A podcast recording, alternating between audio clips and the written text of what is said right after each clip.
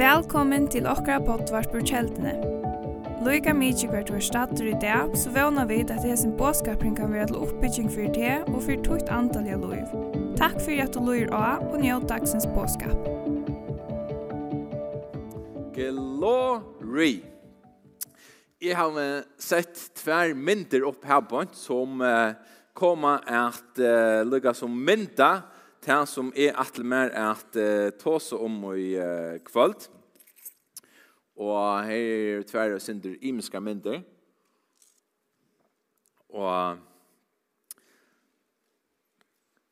det er sjukkja lukka som er synder så løsner ut. Hvor hei vil jeg være lukka som til seg her?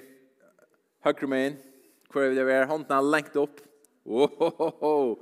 Til vite at jeg har jo akkurat ikke en tårer, hva skal, skal, skal ikke. Hvor er det her cool? oh, her nekvar hender. Wow. Som i hilde bæg er cool. Og bæg er jo lukka som cool. Eh, men man kan säga på kvar så en mata. Her så jag vil lukka som loivoi, nekfolk, og bara woo! Og onkur sitter på axlån etter sudla vi onkur konsert, og det er bara stortligt. Det er bara, ah, stemninger, gauer, hebont. Okej. Okay. Så när jag Isaiah ein og trus, ok, fria litt, ansamadlor, hvordan cool er det her? Ur mån til ha det her, her ivre. Iveskriften, fyrir kvalt, hon er Gjer ta tutningar mikla og ikkje ta hotakant eller jeg kunne sagt det som imponerar, eller det som er cool, eller det som bara er tjohei. Gjer det tuttningar mykla, ikkje det hotakkant. Ok, som man sier, yes, spennende, som man sier, ok, sikkert en iveskrift, og hette her, när det är kaffe. Men uh, det som tycker om att höra kvöld, jeg tykker ikke at det er noe nytt, til fleste av det kom till det var hørt av før, Men det som du kommer høre er mega, mega viktig. Så jeg håper at du spoiler tunne øyre vel ut. Jeg håper at du åpner ditt hjerte og lukker som øyne luster etter god. Vil du tale noe til mine gjør noe til som Bygve sier her fra talerstølen av. Så bare vær åpen. Og til sånn akkurat som her, man skulle tro at dette her er tvær kontraster, eh okay, kan ikkje gjera det hotak, kan ikkje gjera det som er stort litt og kan ikkje gjera bam bam bam bam. Jo, det er ikkje det som er lukka som er ute på, det som er ute på i kvöld, det er det at i tøyene som vi lever i, um, og som to lever i, to som er unger ung, så er det så jævla nek som man vil få tutt oppmerksom. Okay? Hva merker til å få at du er oppmerksom? Jo, det merker at du til ankers vekkene så vil du bruke tog og på noen ting som du heldur være ordentlig interessant, ordentlig spennende. Eh, og det er slett ikke sikkert at det som du bruker tog og på, gjør det nok du kan ska fast lukka som nokkur impress, inntrykk, og du scrollar, sjobar nekva om Instagram, bom, bom, bom, til at det fengar tøyna oppmerksomhet. Til lukka som hotekande, det fengar lukka som tøyn hoa, tøyn oppmerksomme. Men det som jeg vil komme inn her i kvöld, og i ödlun, som man sier, så kunne vi velja hva vi bruka okkara tøy til. Og det som jeg vil lytta fram i kvöld, det er at gjer ta tutningar til mykla. Gjer det som er viktigt. Og vi skulle forhittje øysene ut fra Guds åre. Um, kvært nokkur ting hebant som, som kom vera vidla at underbytja det som er eh, sige hebant. Og tog at, som vi sier, togen som vi lever i heter en mega spennande tog til mega stortligt at vera eh, unger eh, og God hever sånn ek godt til tøyen, han hever sånn ek godt til møyen, og han hever underfodler atlaner for tøyt løyv, og han vil at du skal komme inn i alt det som han hever fyrir til. Longo nu. Ikke boi egentlig, jeg ble så, så, så, så gammal eller større, lukka som Mari og Ole, lukka gammel som Tei. Nå, er er her og nu at tid God hever det besta til tikkun. Og tog er det så viktig at vi fengar til og gjør det som er tutningar mykje og ikke det eller bæra til som er hotekande. Og jeg ætla for å hitja etter nokron dømon hebont i løvnum, eh, tja menneskjen i biblene. Og den første personen som jeg ætla for å hitja etter, til David, Og David, han er en person som gjør det til tuttningar mikla. Så det kunne godt sløtja røykmaskina hvis hun ikke er slagt, så er det ikke omkran inn i her. Det her er akkurat som en størst gods, og halde ikke etter bæra god stor til etter øyne akkurat anna. Så, så godt sløtja sløtja bare røykmaskina. Um, så David, han gjør det til tuttningar mikla. Da han var unger, så gjør det han til tuttningar mikla. Han var trofastor, og han var tryggfur. Til til at at at hotak som ett kjenner at gjera ta tudningar megla. Okay. De flesta av kon kjenna nok David og det er altså David konkur som blev konkur i Israel. Han vaks opp akkurat som vi växer upp, de flesta av oss är vuxna upp här i Førjon, så vaks han upp og han er bygd i Israel som öjder Betlehem. Han vaks upp här, papi han säger han att Usai, Han hei faktisk tjei ærar bodjar, og han hei tver systrar. Så han hei altså tuttjo, det var tuttjo systjen, så det er faktisk ratteliga nekv. Og av bodjanon, så var han tan yngste. Han var yngster av tjei bodjon. Og, og medan han vaks opp, så passa i han seien tja pappasun. Som vi hoksa, godt i slivet at du tar tøyne. Men det var altså det som han gjør. Han passa i seien til pappa sin.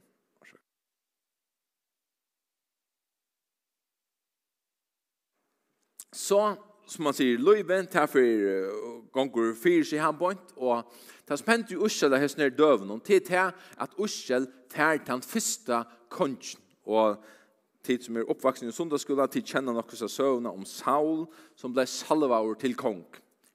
Samuel, profeten, kom til Saul, salva han, og han ble liksom som setter inn som den første kongren i Israel. Men han kikk seg nok så kjøtt. Han gjør det nekka som god ikke høy bi han gjørst. Og av det samme så sier god, få i neste slag. Du akta meg ikke, du varst ikke lojen, jeg velger en annan. Og tann annart, hin personen som god valgte, ta vær David. Og Det hendte så løsne at Gud sier ved Samuel, profeten, Samuel, du skal fra til Bethlehem, og du skal fra til en mann som er ui seg, han hever nekra syner, og du skal salva øyn av hans herre synon til kong. Samuel bare, ok, ja, ja vel, og han fyrir så sted, han fyrir til Bethlehem, han fyrir til hendan her ui og til sko vita, ta i hesten her, mævren kom. Hetta var ikke hver som helst. Hetta her var allega som presidenteren, her var kongren, hetta var den kjendaste allega som stjørnan av stjørnan. Öll visto hver hesin her personeren vær. Det var allega som, som at du hever allar der kjendaste personene du kanst hava ui oinon person. Det var Samuel. Og han kjemur til Israel, nei, til Bethlehem, og han kjemur til Isai, og han sier kalla drøngjene til seg sammen. Og i han kallar allar drøngjene til seg sammen åttan øyn David.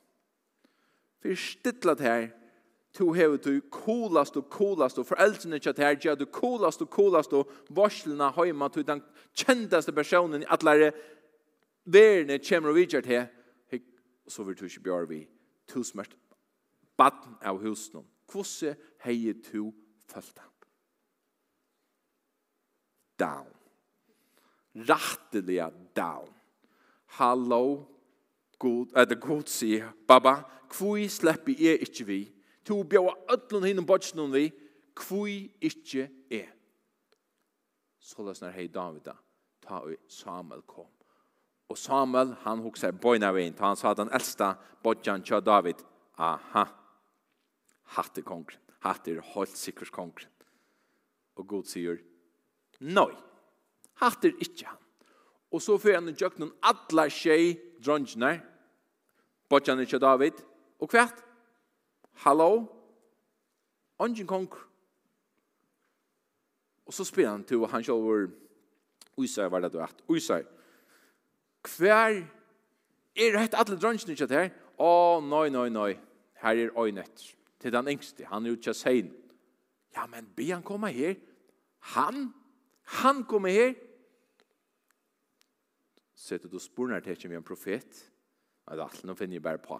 Men så løsner, be han han komme, og så kom David. Og ta i Samuel ser han, så sier god vi han, hatter han, takk og salve han til kong. Og så stender det, så løsner, Samuel tok ta oljehottene, du tar så som han gjør det, og salvei han, med han brøver hans støv rundan om, og fra tog det kom ande herrens ive David. Så før Samuel av sted, og før til Rama. For ikke stytla der, alle disse bodjene tar bare, det stender utsiktelig at tar eh han en mian bror han säger stå rundan om och tar bara hallå David av ötlun fosse kunde to välja David? Men att det här var god som har valt han och kvärt David tog sig på en yes kongur sådan ändliga till det som jag strep efter allt mot löv så får han att spela kongur och kongolare och allt det här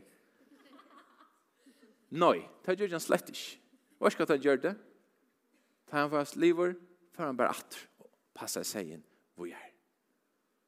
Og vars du snakk er det Jingo fram tog jeg god seg vian, at han ble salvar, han fikk kattle av våre konger, til at han ble konger, 15 år. Hvis du også god sier akkurat vi til i det, og du skal bo i 15 år, Åh! Jeg klarer ikke å bo i Aslange, det skal hende i jar. Men så løsner, nei, David, han får udattende, han passer på sägen och så här i mitten så tog han luggarna stora kämpos med Goliat drap han.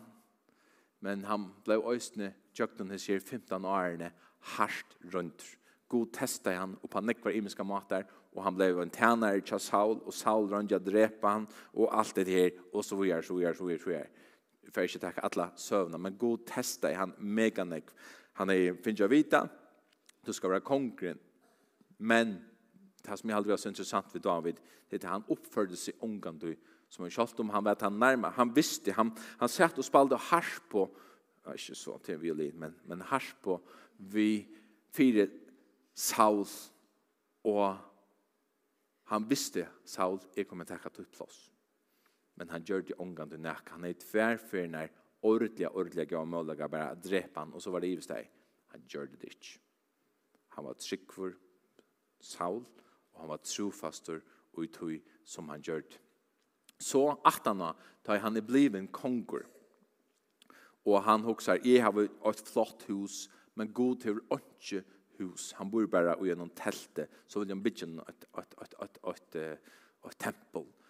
Eh, og så kommer eh, en profeter til David, eh, når det er god sier vi profeten, som heter Nathan.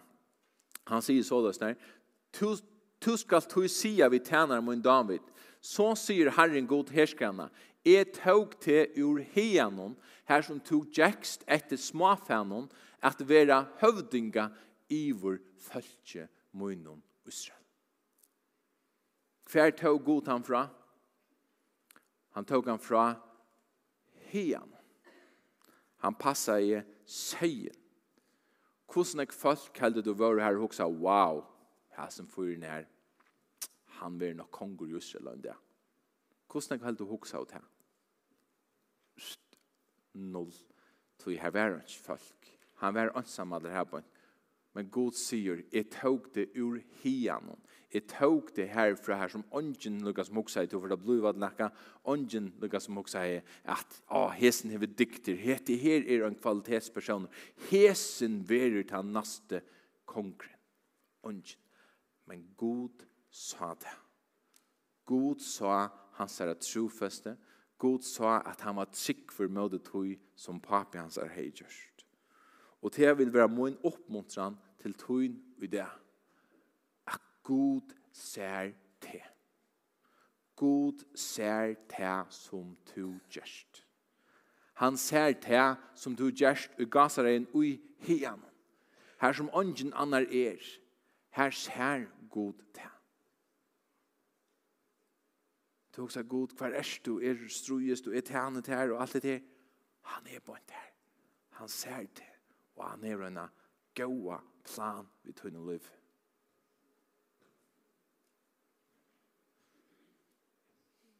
Snakkar. Jeg pleier å si, jeg vil kvar etter godt sted, jeg sier amen. Jeg sier han er en gåa plan vid tunne liv. Han ser det som to gjerst. Han ser det som to først i jøkken. Han ser det til trofeste.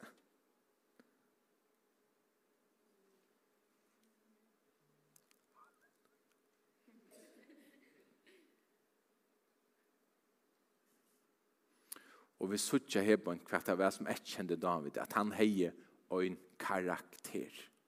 At, og karakterer, det merker at du gjør ting selv om ånden annars her.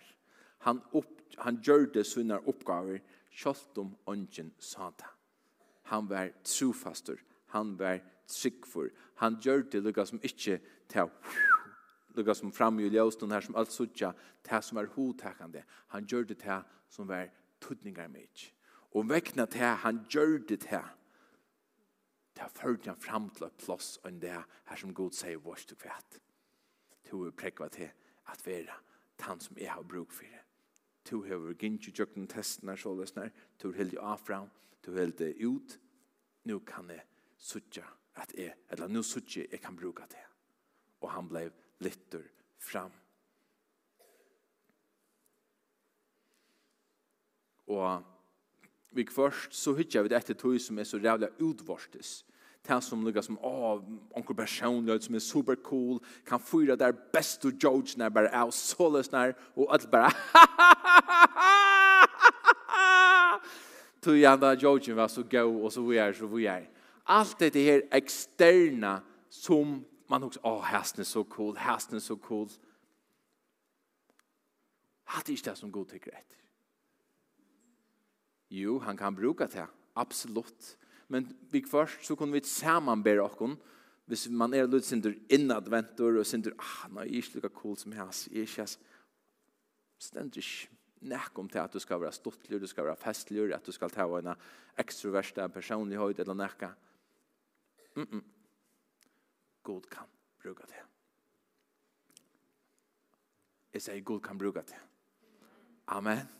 Halleluja. Altså, det er godt god kan bruka det. Jeg minnes da jeg var i Svørtje, og eh, da jeg bor i Herborn,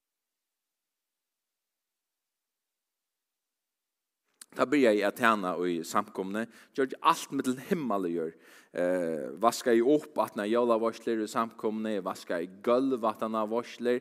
det ting som absolut ången sa. Ta i ungdomsstövner hade varit. Så var jag ungdomslöjare. Så var i upp klockan 6 om morgonen. Tog jag att uh, alla ständelser som ungdomen här sove. Och i sovsalen och så. Så skulle det här vara rätt. Jag skulle brukas sundagskull och så här. Så upp klockan lorst en sånn morgon och så bara ah, vaska og alt. Ongen sa det, ongen, man gjør det bare. Og så minnes det, ah, her var det så nekver cooler personer i samkomne tar eh, lukka som høtt lusingene lusingarna har møtt noen og tar høtt og og, og tar lukka som var her og lukka som, åh, jeg bare, wow, god, tar er jo så cool, altså personene her var. Og så knapp, ja, så Jack og tog, så var det flere som personer, og jeg bare, hva blir det der? Ja, han knapp, det var det bare vekk. Og, så, og jeg husker ofte, ah, här hatt hatta vil han nutje ungdomspastoren eller hatt här vid han nutje eh lika som lojaren og hattar och hattar hatt hattar tog ju saliga som jeg hukte bare etter tog utvarstes men knapplega så var somrar som personen ta var bare vekk. Og så fann jeg det at han att det var faktisk onkel har betalt dem en for jeg att og øyne eller for det er. Og, og så tar ikke finne til lønene mer ja så så tomt dörs mer come on Og hette er ikke noe som nekker for jeg, noe som opphever jeg med meg selv, men hette er bare viser noe som god, han hikker ikke etter tog som er noe som utvortes, han hikker etter tog som er innvortes. Og det er så lagt at sammenbære seg vi imisk, åh oh, nei, her er noe for god, her er noe, hva er det kvart? Det er bare løysa det fra tog. God hikker ikke etter tog, Han hikker etter tunn noen hjärsta. Han hikker etter tunn noen trofeste. Han hikker om du er trygg for. Og er du til så kommer han å bruke det. Så du gjør det som er tøtninger mitt. Ehm um, i fyra som jag akkurat nu till att undervisa om gamla testamentet av bibelskolan och så får man jökt någon emiska böcker och allt det här och det är ordentligt spännande. Så kom jag förbi Nehemias och jag ska inte för att göra längre så om, om Nehemias men den största stövan är till att Israel eh alla Juda blev tidje av Babylonara konstnon Nebukadnesar så för det utläggt och Jerusalem blev lagt och i oje. Bojen allt smäldra sönder. Men så var det med som ett Nehemia som god kalla i röst upp och be han för åter och bitcha Jerusalem uppåt murarna och så vidare så vidare. Och tar han är just här tar det också för trus så så skulle han lukka som skipas ju synder och så skulle han sätta olika personer. Och ta stendet av sålesnar i kapittel 6 hebont. Eh, ta i muren var kommet at standa, sette i, altså Nehemias, horanar ui, og dora vaktarne, sangarne og levittane var sette til arbeidsut. Og så stendur, jeg sette i ved Jerusalem Hanani, brormun, og saman vi honom Hanania, høvesmann borgarinnar.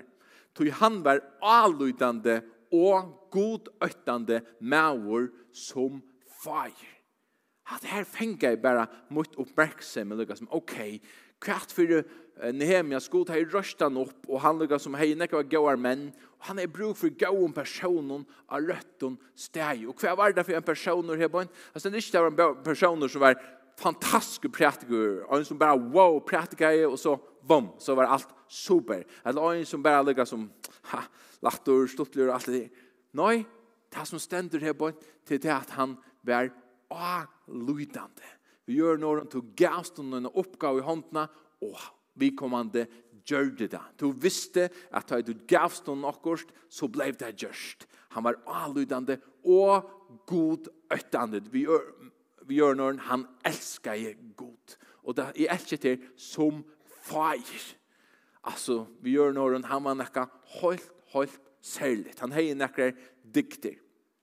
Så apropos at gjøre til eh, tuttningar mykla. Vær trofaster, vær tryggfor og tui som du gjerst.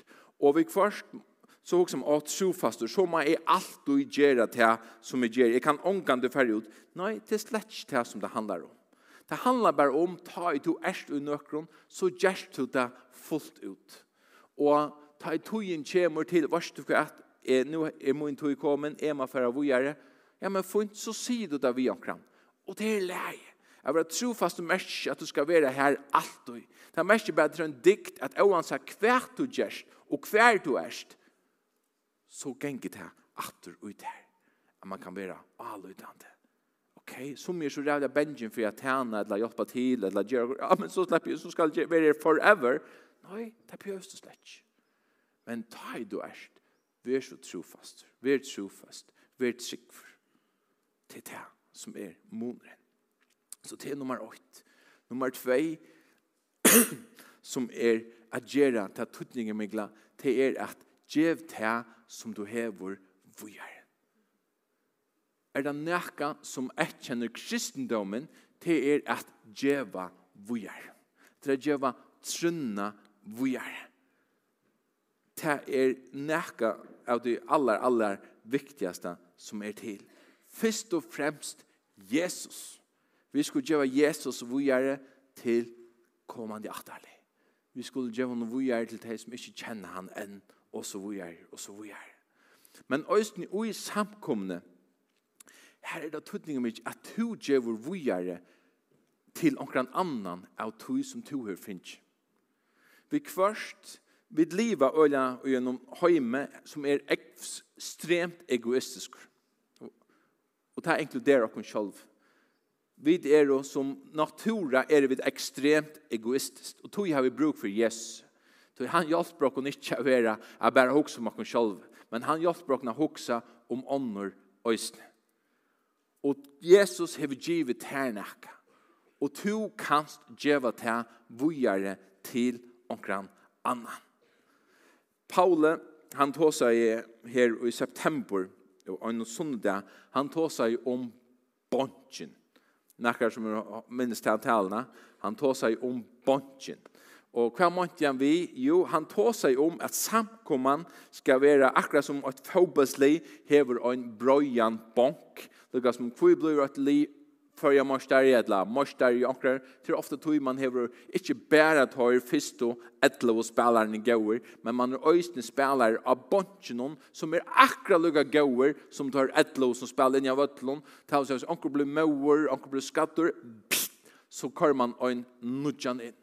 Men i samkommende, så handlar det inte om så lösningar. Man kan inte tacka sig sammanbindningarna alla vägen. Då är samkommande, här tar vi tås om bunchen, så tås det omlugga som att, ja men, vi skulle vara nek som är alla tøyna, är du klar till röjar. Det som bunkren ösne ger till han löjver vi först följt att kvillas. Vi först så kan ungen kvila sig, tog man hever ångan, lukka som att uh, sätta vi. Och tog är det vi skulle djeva vujare til som vi da finner, såles det at vi kunne ha en sterskan bank. Og det handler ikke om å si, nå, nå er hæsen kommet, nå, nå er ikke bruk for termer. Slett ikke. Vi gjør det sammen, lukka som at vi tilfører bare, lukka som styrke til det som langt er her på en.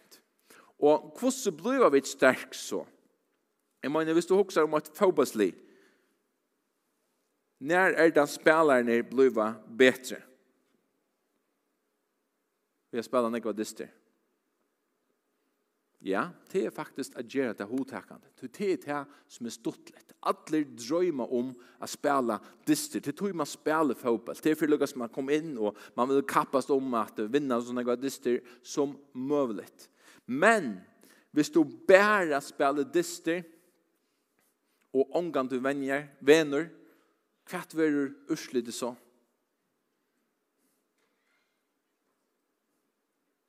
Jo, det er du, hvis mennene nå som spiller i tridal, eller så, sånn, tar bare møte opp til dist, tar venja nesten omgang til, og tar 20 minutter i ferdene, øh, utskifting, har orsker ikke mer. Hvis du huksar om en av viko, hvordan er det dister, hvis du, er en vanlig av viko, hvordan er det dister spiller du? Oin. Oin. Hvordan er det venninger hever du? Til hendene her øyna dysten. Øyna? Ja, hvis du, hørst du, er det eller tre det. Nei, hvis du er slugga som du, man kan säga, du enda noen her som du spiller seriøs en fotball, så har du ganske 5, 6, 6, 8. Jeg vet ikke hvordan nekva vendinger er i førjen det. Det er bare blivet nekv, nekv, nekv, mer. til øyndist tog til i vendingen, tog herra, at du blir formar, at du blir myndaur, at du trenas, du blir størskur, du er av vøtlund, du er av fitness, fyre at du skal være klarer til disten. Og så kom vi til også om en møte. Hvordan er møte? Vi tar et møte om vikna. Og om vi gassar igjen bæra koma til det møte, så spør jeg hvordan størsk er vi til. Vi må øsne venja, andalega tala. Vi må øsne lukka som fytla og tja okkon sjolv. Og vi må øsne djeva ta vujare til onkran anna. Annars bluva vi ikkje stersk. Annars klarar vi ikkje at halda ut. Tog vi er jo bæra mennesker. Vi må gjera ta herra arbeid.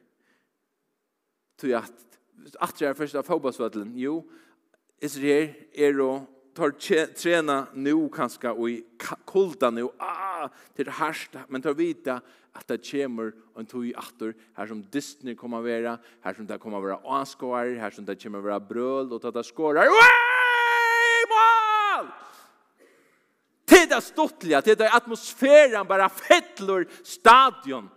Men detta sura åh, renna bibtest og anna og i, sept, og i december og i januar. Åh, det stinker. Men det er nøyot hvis du skal være klar til Disney kom. Jeg jubla til du skårer.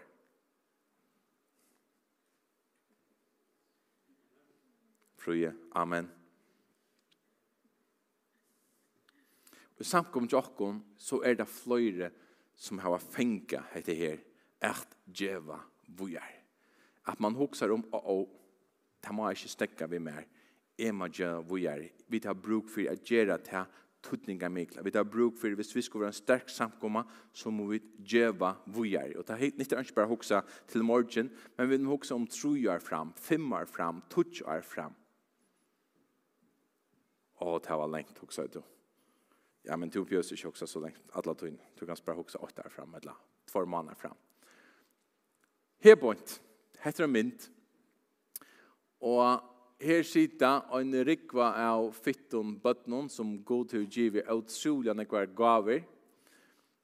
Og her er nokkur folk som så har valgt at vi vil hjelpe hessen her bøtnon. Vi vil vi doa noen ting, Og vi vilja hjelpa hesten her bøtten at gjøre det her som vi då. Og her er det faktisk rettelig nekk folk. Her er, og, og her er det ikke en gang til ødel. Her er 2, 4, 6, 8, 2, 12, 14, 15, omkring 18, 14, 16. Og jeg halte her en 20 som kommer sammen her mannagkvöld. Jeg halte her en 38 bøtten. Og her sier jeg at her er onker, David, hva nå? Her. Han er fantastisk. David er her, opptattslakker. Han er 15 år. Johannes, han er 13. Eliana, 16. Så hadde Helga, tjej alt, tror jeg. Og så har vi denne Rikvo her i midtelen. Alle i her, de har finnet noe som de gjør vujer. Og jeg markerer noen her på ved golen. Og ötlis i her som er her på en, dette er alle som er i ungdomsaltre. Hetta er öll tid som er kunnu geva nekka vujar. Du hugsa kanska nakka, du sitter her kvöld, ja, men er er du jo ikke, jeg kan ikke geva nekka vujar. Jo, det kanst du godt. Det kanst du godt. Og jeg sier faktisk nær til læra lære deg at synja, til læra lære deg gitar, bass, klaver, trommer, sitte ved teltene, stóra ljøvnen, og så vujar, så vujar. Og det er helt fantastisk. Og det er at geva näka vujar. Så om man är fyra, tre, fyra, fem år så kommer kjerbøttene jeg standa hebånd og løye låsang. Wow. Coola. Og flere de dem er ganske også i kvalt. Og halda det var mega coola suttja ting. Ikke tog det handlar om at standa her oppe. Men god legge gaver nir og vi trykker at her nek folk. Øysene fire at så skulle det er så må ikke være her alle tøyene, så kan man få kvult, så har vi den brøyen skjæra. Så kan det være nekst størskere badnalåsangstøyme i øsene, og kanskje ta vi til å ha forskjellige møter. Men ikke problem, tøy vi til å ha en større bank. Vi gjør det er viktig. Det er knæsende i hvert arbeid. Det er så ikke sær det, men det gjør det. Det er mandag klokken fem til klokken tjej, så er det her. Og tid så gjør det ikke. Men det gjør det til tøtninger mykla de trena, de offra av sinne tui og djeva det til omkran annan. Og vi sutja longo frukter av det. Vi sutja longo at disse bøttene. Og i morgen så kommer komma til å framføre hebon, sjolv, Onkur var ikke åtta år gammal kommer å spela trommer, onkur nudjar bass, og etle år, eller tudjar gommel gittar. Askos kåle er ikke det. Tui at man gjør det viktige offrar sina tog. Her er et annet døme. Her er en som heter Annie Kate. Og så er det en som heter, hun er 16 år. Så er det en som heter Annika her på hent. Hun er 8 år. Hun var her 8 lærerkvalt. Her som Annie Kate vurste henne at akka mynter. Er at gjøre det viktige. Det er tøtninga mykla. At føra vi er. Og du hoksa, ja men hallo, mynter. Altså, hvordan viktig det er. Det er megaviktigt. Det er megaviktigt at det er gavene som god til givet give og jag en kunde hvor vad är Til mynden här på en som er tikkner, der kommer ut av hemma så inne där kommer ut av Facebook och så kommer man fast wow her er lov vad är kältne och kanske onkel men ger att onkel annan kommer möte till det såcha här och som händer här på en. Alt en undermätta följa tjenest. god brukar allt amen god brukar allt Og så er det ånder atter, og hesa myndene hadde sett ånden der fyr, at jeg var vujere oppfyllning. Mega viktig, det tog seg det som lærer, det synes jo alt, som hvis vi takker myndene atter, her på en, Det blir alt vi bøn, det blir alt vi god, og sikkert etter kvöld, lær dere å tilbe til, lær dere å bruke de instrumenter, de gaver som tog giv i dere, og så videre, så videre. Til alt til hans herre er. Og så kjører man det, tek man det, og i tørnen, og så man tar det blå äldre, ja men uppfyllning, ja men kan mest över en tryggvande, Och så vet jeg att det är frelster, Och så fär man forskjellig ambo. Och så växer det och i aldre etter noe som man er før for at jeg møter, og så gjør, så gjør. Og her er det oppbattning av eldre atter, som så djeva, hvor gjør. Og her er nekk som djeva oppfølging her i kvalt. Så det er helt, helt fantastisk.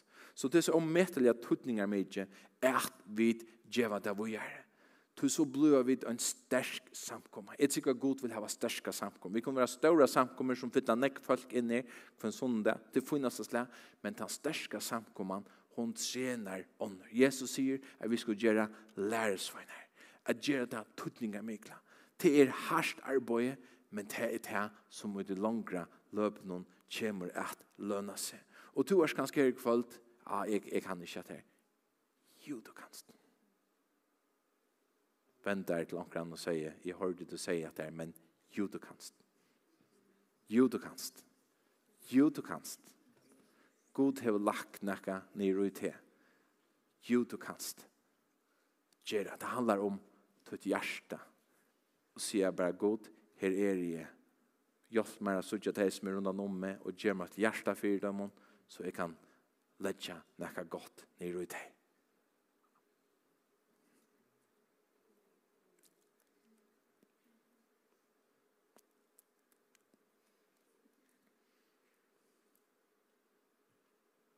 Er det det igjen? Amen. Og så ta sørsta. At gjøre det tøtninga mikla. Halt til nær til Jesus. Som er snir personen vi bøyblen her bønt. Halt til nær til hans herre. Ta tøtninga mikla til ikke alltid ta stuttligast. Amen Og vi vet at vi elskar de stortlige tingene, og lukka som det som er lagt, og det som ikke krever så nekv av meg selv. Men hvis vi gjør det tøtninger mykla, så kommer akkurat lov og snia suttjast her etter. I Lukas 12, her har vi en frasøk om Mario og Marst. Og det stendur såles mian tær nu feravust. Nei, tøys, lærsvennan og Jesus. Kom han, Jesus, til denne bygd, og kvinna som er at Marsta tåg imot i honom og i huset synom. Hon hei systur i at Maria. Hon sette seg vid fötter herrans allursta etter tog som han sier. Men Marsta struttest og gjørdes seg nekvan avmakt for honom. Hon kom ta iver og sier, Herre, hugsar du ikke om det, at sist du lett meg være ansamadla om at henne her, si til vi henne at hon skal hjelpe meg. Men Herren sverre henne, Marsta, Marsta, to gjerst strui og aurek av mongon, men åkt er fyrir neine. Maria hever valgt henne gaua lot, og han skal ikkje være fra henne tidsin. Hva er det som Maria og Marsta gjør her? Jo, det gjør tvei imes ting. Marsta, hon råkast och strujest fyre Jesus, tæner honom och till ordentligt gott. Men Maria, hon gör nekka som er enn och bättre. Och vad hon? Jo, det ständs så snarare i vers 23. Hon sätter seg vid fötter herrans att lusta efter tog som han sier. Och det är det viktigaste, det viktigaste, det viktigaste som vi kunne göra. Det är att lusta etter tog som Jesus er å si. Og for at han kan kunna för att han ska kunna tåsa vi och så må vi ge honom möjlighet. Jo, Marsta, vi kunde tjäna god och först och till ordentlig gott och allt det här. Men det er mest ikke ens betydande att vi høyre från honom. Som er kanskje flutja litt synd, jo, men jeg tog ikke alt det her vi har vært sammen, oh, bare sitte i Bibelen, nei, jeg vil gjøre ordentlig nekve samkomne. Og det er ikke skøft å gjøre ordentlig nekve samkomne. Men, det må bare ikke lukka som på bekostning av at du ikke har nekka tog sammen med Jesus. Lesa og be. Og det er man kan säga, det tar det där for, ja, man må lese mer, mamma bia mer, og babada, babada, babada, babada. Men det er så sagt som det er sagt. At det er ikke annar shortcut til at løy sammen med Jesus. Vi kunne ikke lukka som gøyma det vi at tæna og glenne ikv. Tid ungo, øyne all tid som sitter vi strøyming og telt og ljøs og anna. Minst til, tid må øyne være møte. Man kan ikke bæra sida vi hese imiske tingene. Det er øyne viktig at bare sida og lusta etter hva Jesus her å si under møte. Så man kan komma her till att man tjener så nekv att man inte dår å sitte bara og lusta. Okej? Så det är jävla gott att tjene Jesus. Men det må ikke bli bekostning av att vi ikke har tog til ham. Vi må også takke oss togina till han. Det är mega, mega, mega viktig. Tog hvert formar og møyr. Dister etla venjingar. Jo, dister gjev okko nakkar opplevingar, nakkar røndir, men til venjingnon at vi gjera til herra arbeid som gjør okko klar til dystnar. Til du stidla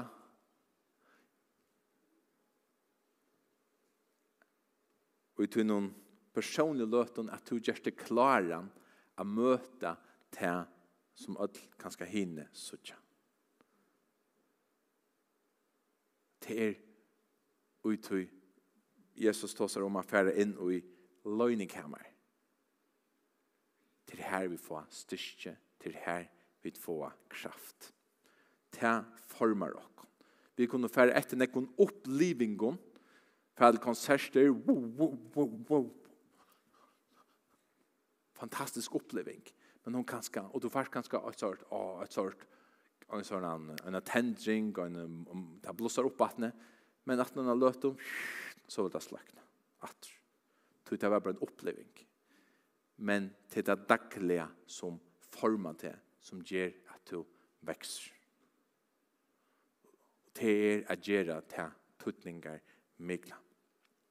Så hvis vi skulle takka nøkker og synde møyra, låsangaren kunne godt gjøre så klare å komme opp. Hva er å gjøre til tutningamigla? Hvis vi skulle gjøre den nek møyra konkret og i okkara løyvun, hva er det ut fra at du, uh, at du er her, at du er i en samkommun, du er i hesar, at noen er her. Hva er det? Jo, jeg skriver noen ting her, det kunne være fløyre, det kunne være andre ting, men jeg skriver noen nye her på. Det første er, ræfest til personlige løyve ved Jesus. Det skal alltid være, og må alltid være nummer 8. Nummer 2, ræfest å komme møt. Ræfest å komme og møt. Så nekk som du bare kanst. Tog til er så utrolig viktig at vera sammen om god. Nummer 3, ræfest at komme i husbølg. Og ta jeg sier ræfest, så må jeg ræfest. Ah, jeg var ikke med tog i mye kvöld, så må du ikke si, ah, jeg var ikke hoksa, jeg må gjøre det viktig. Jeg må gjøre det tøtninga mykla. Og så her, investera i omkring annan. Hva må vi at investera? Investera er ikke bare sånn her, sånn her, man kan si, businessfalt gjør det, investera, investera. Jo, ta gjør det, men jeg og du kunne også investera.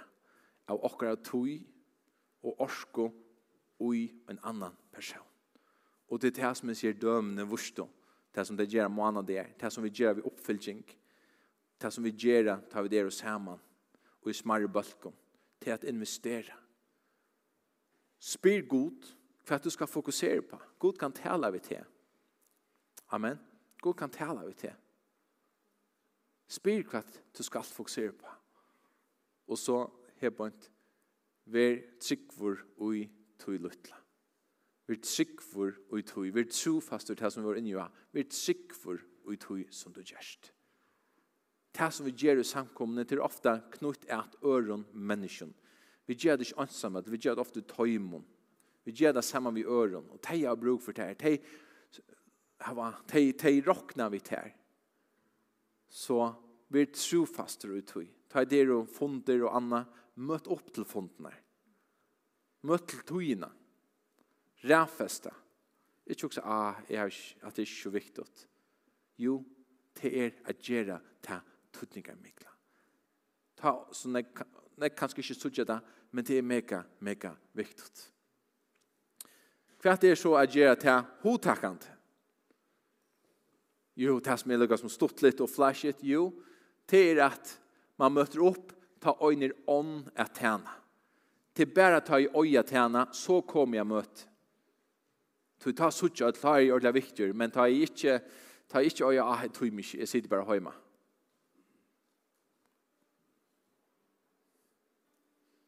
Låsons venjing, ah, tog mye bare venjingene, ah, skippe venjingene. Nek stort lært at det er lærk vel eller sånn morgen, tar det nek mer.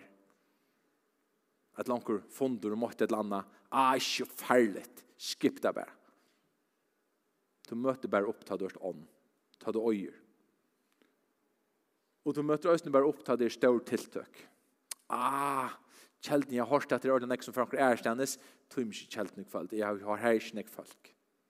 Tøymsk, tøymsk. Du møter bare opp til det nekka.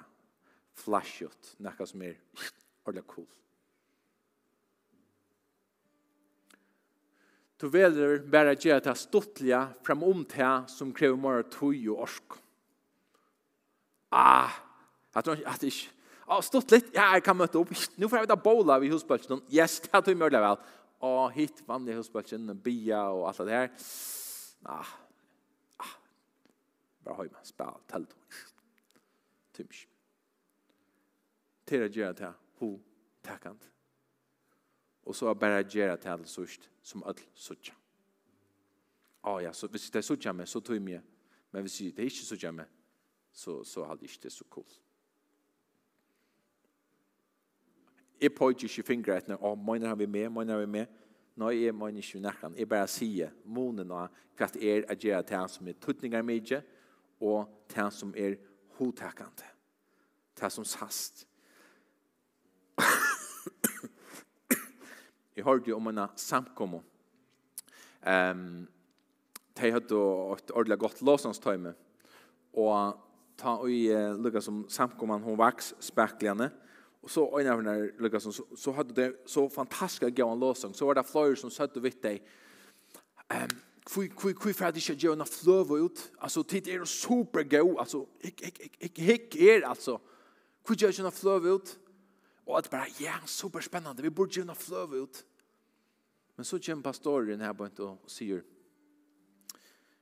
ja, han var ikke greit, hvis vi får nå at gjøre fløve ut, hvis vi får bruke nå til neste og trutje fyra måneder i bare om å bruke som at gjøre na fløve, så kommer møtene leierkvöld, møtene sønnemorgon, så kommer vi da mangla mangle folk, til å være så trøyt av at spille seg her fløvene inn så det här kommer gänga diver och er vanliga, det er viktiga. Det är rörliga hotäckande att göra sig flövna till det er mega cool och et superspennende projekt. Men det tek sånne orsko fra samkomne at det er fra gengo diver til dagliga, til som er tjattnan og hos som vi gjør. Så vårt du at nøy, i stedet for jeg gjør fløv ut, let dere heldur bruka tøy og orsko og på att trena fløyre som du har spela lettskan gitarra, eller bass, eller klaver, tog så tar vi det her noen nekve av tøymon, så kunne vi gjøre bæge, sterskan låsang, og vi kunne gjøre fløv ut, utan at nekka avvirskast av kvarnøren. Månen av at gjøre til tuttningamikla og til hotakande. Til hotakande pjøs kjøver skoft, men Det gjør bare det samme avvøksten som er gjøre til tøtninger mekla. Skylda ditt månen. At investera i ånder.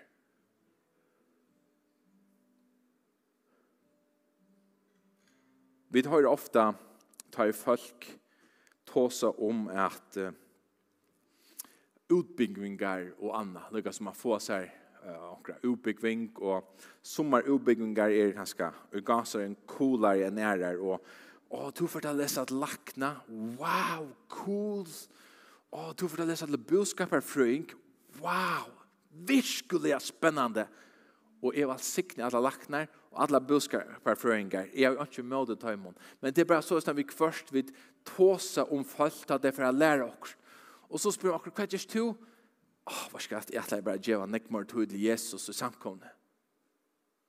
What? Alltså huxa du du borde finnas en nybygging. Alltså allvar då när jag minda alltså to to live nu alltså om fem år du borde alltså du måste visla huxa om att få den nybygging. Hallå. Hörde du ska personen säga han vill tjäna Jesus är mojs. Det huxa som en kom från en planet. Så fjärst är det fra åkken vi først til at bruka tog och geva tog till samkomna og Jesus. Men et sikve at det tøyene som vi kommer suttja, så kommer det suttja møyra tøy. At det er fløyre som vil geva møyra til Jesus. Jesus sier, så ikke først rydde Guds og rettvis hans. Så skal et synder være givet dere alt vera givet til kom framt. Akkurat liv er et liv et sikk. Du erst unger, du erst ung, du hoksa, ah, jeg skal vi liva ut sikk, vi genga ut sikk. Og Jesus, han har sagt, han skal være vi okkon alltid, alltid, alltid, alltid, alltid. Så det coolaste du kan gjøre, til å gjøre alt ut til Jesus. Og det kan godt være, du skal ta henne gode ubyggving. Amen. Amen fantastiskt, gjør det. Og det må også godt være at du skal tjene Jesus fullt ut i samkommet av det. Det viktigaste er at du gjør det som Jesus løyer til til å gjøre. Amen. Det er det aller, aller, aller, aller viktigaste. Vi får at norskast endan här bort. Og her i samkomne vita hva de har nast for når her. Ja. At uh, jeg tykker velgen på en avvetning i følgen. Jeg tykker velgen på at Gud vil sende en avvetning. Men jeg tykker ikke at Jesus sender meg en avvetning for stortlegger.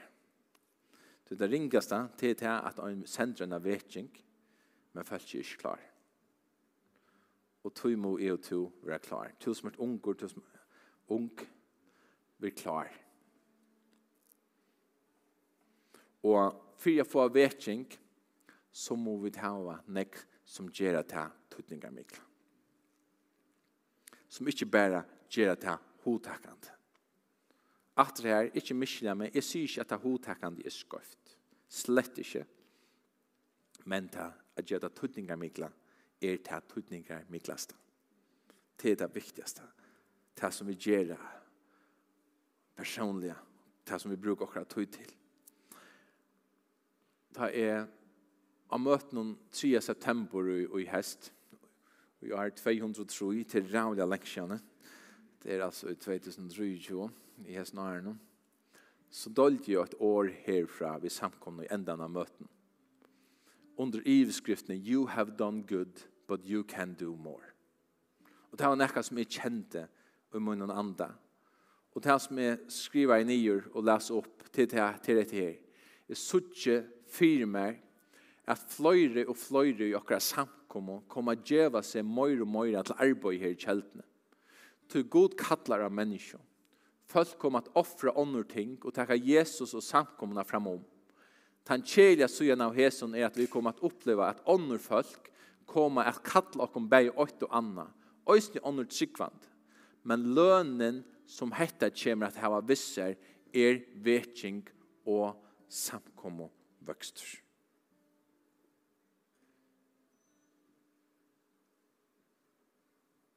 Ikke amen, men det gjør det. Det er ikke alltid noe amen til man skal djeva nekka, at det krever nekka. Men jeg tror vi vel enn at god kommer kattla oss nekka at ikkon unko hebant til at djeva seg møyra til hansara samkommer. Jeg vet at det er langt folk som gjør det her. Og jeg vet også at det er folk som har offret nekka ui hest, og Jakob Halle, jeg husker om det, at uh, to har offret, som man sier, to en fotballt, to spalt, lukka som to målaga har spalt vid beste døltene neste år, men to, som man sier, gudskir for nu sagt, uh, var stu gatt, jeg vil heldur satsa på mortøy til samkomna. Og det er alltid holdt utrolig for mindre litt, Du vet hvordan jeg han elskar fotbollt og å spille fotbollt. Jeg sier ikke at alle skulle gjøres til å spille fotbollt og alt det. Det er ikke det som jeg sier. Men jeg, jeg hadde til å gjøre det rette, Jakob Paul. Jeg hadde god heven når jeg ser det til tog. Og han tog jo som offre heter her, og han kommer sikna det for det. Man kan høre alt med det man gjør, men er samfunnet om to gjør det til rett. Og god kommer å bruke det, og han kommer å løne det her. Så ordentlig, ordentlig spenter på å fylle det som han har for det. Så vi bare sier det og oppmuntrer det. Jeg vet at god kallar mennesker til at offre ting her på en, for hans er er. Og det er ikke sånn at god vil lukka som teka nekka åkken. lukka som du har vidt elska det, slett ikke til du god hever nekka betre for oss. Amen. Han hever nekka betre. Og tog er det så viktig at vi gjerra til tøtningar mikla og ikkje til hodtakan ta er hotakande, til kanskje det som er stortligere, til lattare, det krever ikke nek, ah, man er bare vi, Vet, oh, det krever nek av meg, at gjerne ta tuttningar minkla. Du måste ha øvelse rafestingar, hos du, gjerst vi tunn, du øyn sier oit, ah, men du sier, nei, jeg kan ikke, og så vi er, så vi er. Så, skulle vi færa røys okken opp nå? Musik